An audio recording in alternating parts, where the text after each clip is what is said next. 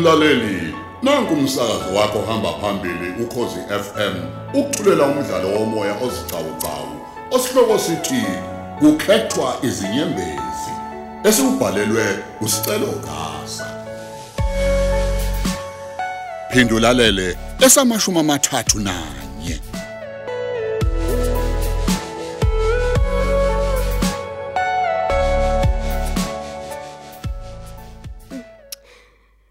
Yebo mamkhulu. Ngimbheke kuyona yonke imizi yomakhelwane bengicabanga ukuthi uye kuyona. Kepha lutho kumthola. U- Uhamba izolo emini. Ey mina mamkhulu angisazi ukuthi ngenze njani manje. Yebo. Yebo, yebo mamkhulu. Yebo. Yebo mamkhulu kulungile. Nami ngizovela ngilunge manje ngiye emaphoyiseni. Yebo. Hayi, nami ngizofona ke mengabe ukuthi kuyenzeka aqhamuke. Okay, bye.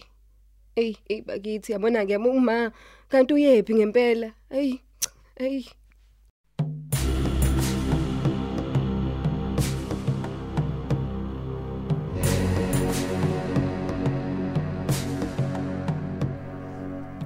Awusiphathe. Usungapha njalo? He ngathi ulalungalele nje ucabanga mina. lutho ke wenu bengingacabangi wena kepha bengizicabangela nje oluhlo wami Wesho. ngiyazi impela Oh. sinamhlanje awungeni kodwa ngivele ngavuka nje ngathi awuthi ngizele kulona wami ngizombona Hayi akunenkinga. Phela oluhle mangabe nje ngeke ngavuka, nayo vele avuke. ah Eish. avekhula ngamandla umfana nobuhle bakhe bukhula insuku zonke nje Uyazi kodwa ey, akabukeke ephile kahle umfana wami yazi. Mubuke nje namehla khashone phakathi kanjani. ayibo akanalutho oluhlu uphila saka lo muntu umbuke kahle nje nu. hayi ngicabanga nokumisa emtholampilo mina yazi ngilungela khona nje manje. A- a- angithi uzikhathaza nje ngento engekho Hayibo. iyaphila lengane ayinankinga nje u- wena nje uyidadazelelayo wena gugu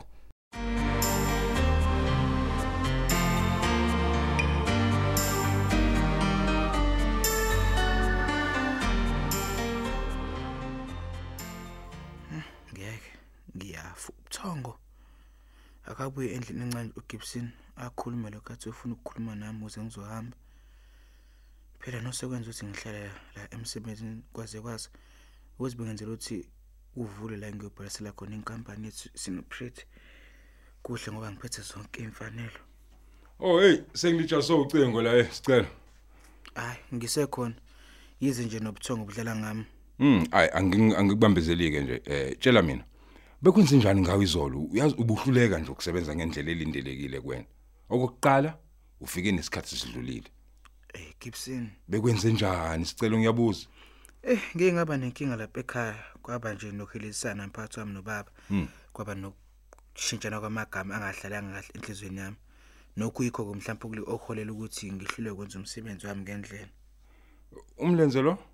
ah umlenze nawo uyimbangela ukuthi ngingawazi ukudansa ngoba eh ngilimalile Ulinyazwe yini vele usuqhugela kanjena nje? ngeke ngashawa uba Hey, hey, hey.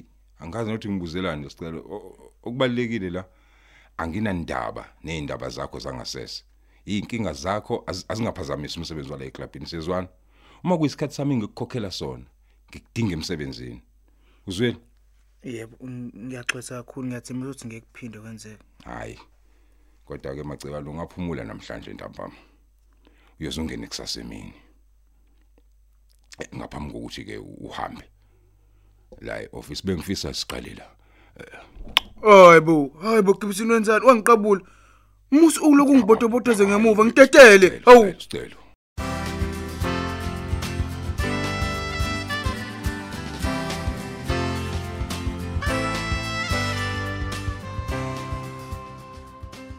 Awu, hey qula ekhaya. Hawu. Ntshisi. Wavela wangena nje endlini ngingakasho nokuthi ngena. Kanti njani nje wena? Akumele ngabe ukhuluma kanjalo nami wena uyezwa? Futhi nje futhi yazi hey angizile kuwena man. Ngizobona umngani wami uMandaba la. Hake kanti ngiyashwa akekho ma. Uhamba izolo wangabuye ekhaya angimazi ukuthi uyephi. Hey, kwakubike lokho umadoda. Kusho ukuthi mhlambe ke uye inkonzweni thizeni yabo lezi ama cross night into enjalo yabo. Hayibo. Uma nesonto. Hayi. Kulungileke Thops. Uma sebuyele ngicela ukuthi umtshele ukuthi angifonele engimdinga njengoshukuletini. Hey, siyosala kahle ke ntokazi. Awuma uma uma ncane. Wentshisi. Yo. Uwena othatha uma. Angithi. Uwena ntshisi. hayibo Nje uyamazi wena uma ukuthi kuphi ngiyakubona nje. lalela ezizima kakhulu kulezo insolo eziphonsa kumina hey ungabosha umuntu phela ngazo yeswa wena into engakusiza ngakho nje ukuthi mina ngizama ukuthola umkhondo ukuthi uphi unyoko kodwa ke lokho kungakwenza uma imali yami yonke seyikhokhiwe kwanye ke ngivele nje ngiyithandanele nawe. Ubona kanjani lokho? Hm Ey ey uyamazi uma ukuthi ukephi wena mkhiphe manje. hey lalela lalela lalela lalela. Ungahambi wezinsolo ungenabufakazi ngazo yakezwa futhi omunye umuntu uyovula kufaka inhlamvu ekhanda wena manje uzokubhayiza wena mani. Lalela sale kahle.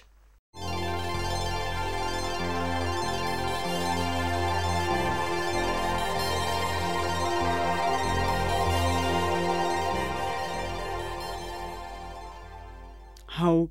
Kodwa sibiye be- ngoba sikhulumile nje lento. Ya, kona impela sikhulumile Rose. Kodwa hayi akubukeki sengathi kuzwakele la kuwena. Usho mina njalo sibiye. Usukhuluma kanjani nami wena? Hawu, ngibone sengathi nje uyazi uyahlehla nje kumina. Ngiphephukelwa wena manje. Hayi bomo ususihlanyisa wena. Hawu ngabe yenziwa yini leyo nto? Izwa nje nendlela okhuluma ngayo nami Rose. Yizwa nje indlela okhuluma ngayo nami. Uyazi ngehlisa isithunzi ngibe ngiyindoda yakho. Sehla ndlelane ke hlapha isithunzi sakho ngichazela.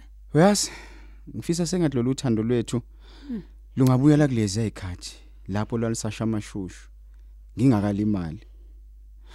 Ukuba unalo ulwazi lokuthi ngiphathe kabuhlungu kanjani. Aso sonke isikhathi masiphume embedeni uhamba ungithuke ukuthi vele anginaso isitho sangasese Hawu Rose. sibiya. Rose. Yasi ngiyabona ukuthi uyajola wena manje. Yini ngabe ungitshisela ukuthi anginaso mina isitho sangasese. Sokuthi ngithokozise kamerweni. Ngabe isono sami imoto inrose yangishayisayo ngalimala. Eh? Angizenzelanga ngamabomu ukuthi ngibe kwingozi yemoto. Angizenzelanga Hayi, amabomu kodwa wena nje nawe awunandaba Sibiya, nalokho. Hayi nawe kuningi ngikutshela ukuthi lungisa lenkinga ukhuluma nabanye odokotela. Bangakusiza mhlamba kufaka isitho sangasese.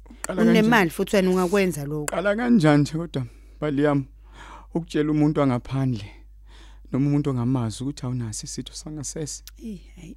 Ngilunge nginje. Angeke ngikwazi ngempela ngeke. Kulunge khona kungazi umuntu kube imfihlo yami nawe le. Hayi enza ngendlela yakho sibiya ngoba unenkani. Ngeke phela kusengaze kuphela unyaka wesine. Silibele saloku sakhuluma into eyodwa. Hayi. Kodwa nje Rose Khathele. ngiyazama nje ngiyazama ukuthi ngikwenelise ngendlela thizeni uma sekamerweni ayithi ngiyazama. Hayi kuma ngenele ngenele ke mina ngenze njani sibe? Oh isona sizathu leso esikwenza ujole. Isona sizathu Awu leso. Jesu nazi indoda ingibangela isicefe bo. Ngitshola nobani mina? Bekulungile Rose. Ngazana. Uthi uma ngingakunelisi ngalendlela engeza ngayo. Uphume ngaphandle yohlanga. Hayi ukufaka indoda la endlini yami. Empetheni wami. Hayibo ngifake bani mina sibiya? Ngifake bani ngempela? Rose, hey.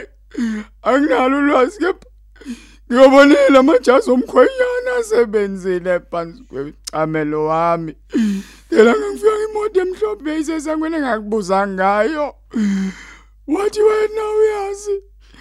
Ngakhe ukuthula ngoba ngiyakuthanda Rose, ngiyakuthanda. Uyiko konke kubila.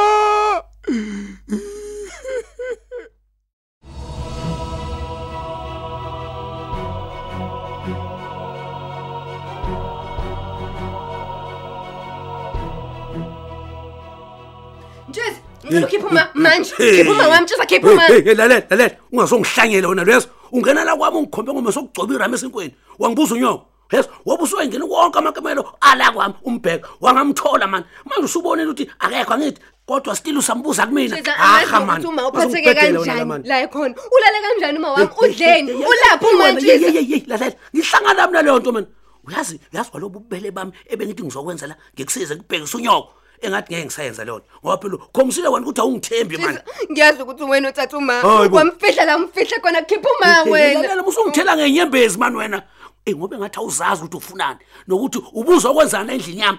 Ngicela ungiphumele. Phuma phuma mani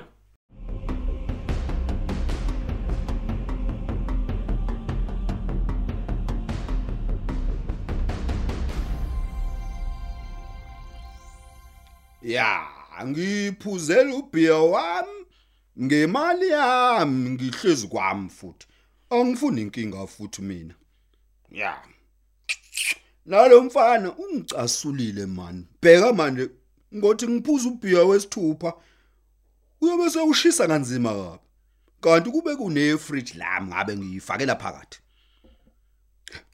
Indaba kasicelo lolo ovela zonikeza ontshiza izinto zakwami. Ngihlangana naphi mina nokukweletana kwabo? Uyajika lapho ucisha futhi ushisa umuzi wami wonke. Hey ngabe ngcono kuba ushisile hey! Bezongazi kahle lo mfana mina bengizomshaya ngimbulala ngimthathe ngiyomphotsa le damini amuke nomfula lapha enandi Sawubona baba. hey wena mfana sawubona baba okunuka yini uyihlu njengami ukuqala ungqongqo zangu vele uyafuhleka nje kuhle koyivakashi zivakasha ngamaholidi kaDisemba Kodwa baba Hey nje. hey wena. Ngingathi ngiyalibeka nawe uyalibeka. Uyangizwa? Futhi gcina ngicike ukungibiza ngoyihlo ngoba angisiyi ubaba wakho mina. Ngiyeza gagasha. Ngiyaxolisa ukuthi futhi ngiyathembisa ukuthi ngekuphinde kwenze. Mana ke. Ubusuyithola indawo ukuhlala? U- Ubaba ube u- u- u- ugagasha beqinisile ukuthi mhlawumbe kumele ngithole indawo yokuhlala. Yebo, yebo. A- Awusamukelekile wena kulamagceka kozoni. Ayi, Bengakayitholi indawo gagasha. Kulungile ke. Ngizokwenzela kube lula. Uzoqoqa konke okungokwakho, uyangizwa?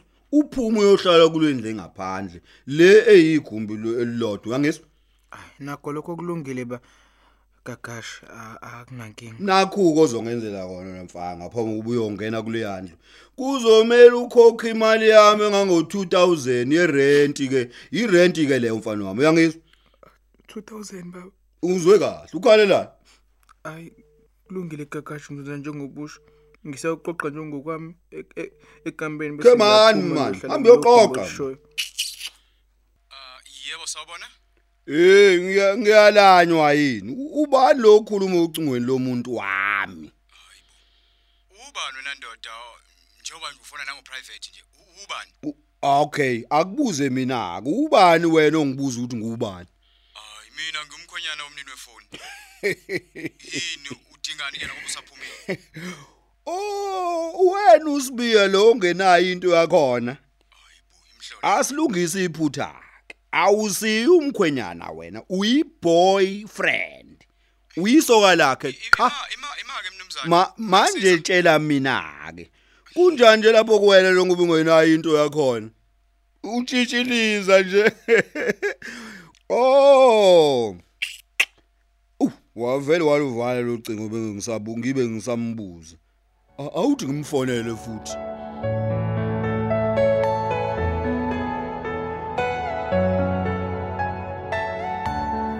Asisibambe lapha isiqephu sethu sanamhlanje esithi kukhethwa izinyembezi.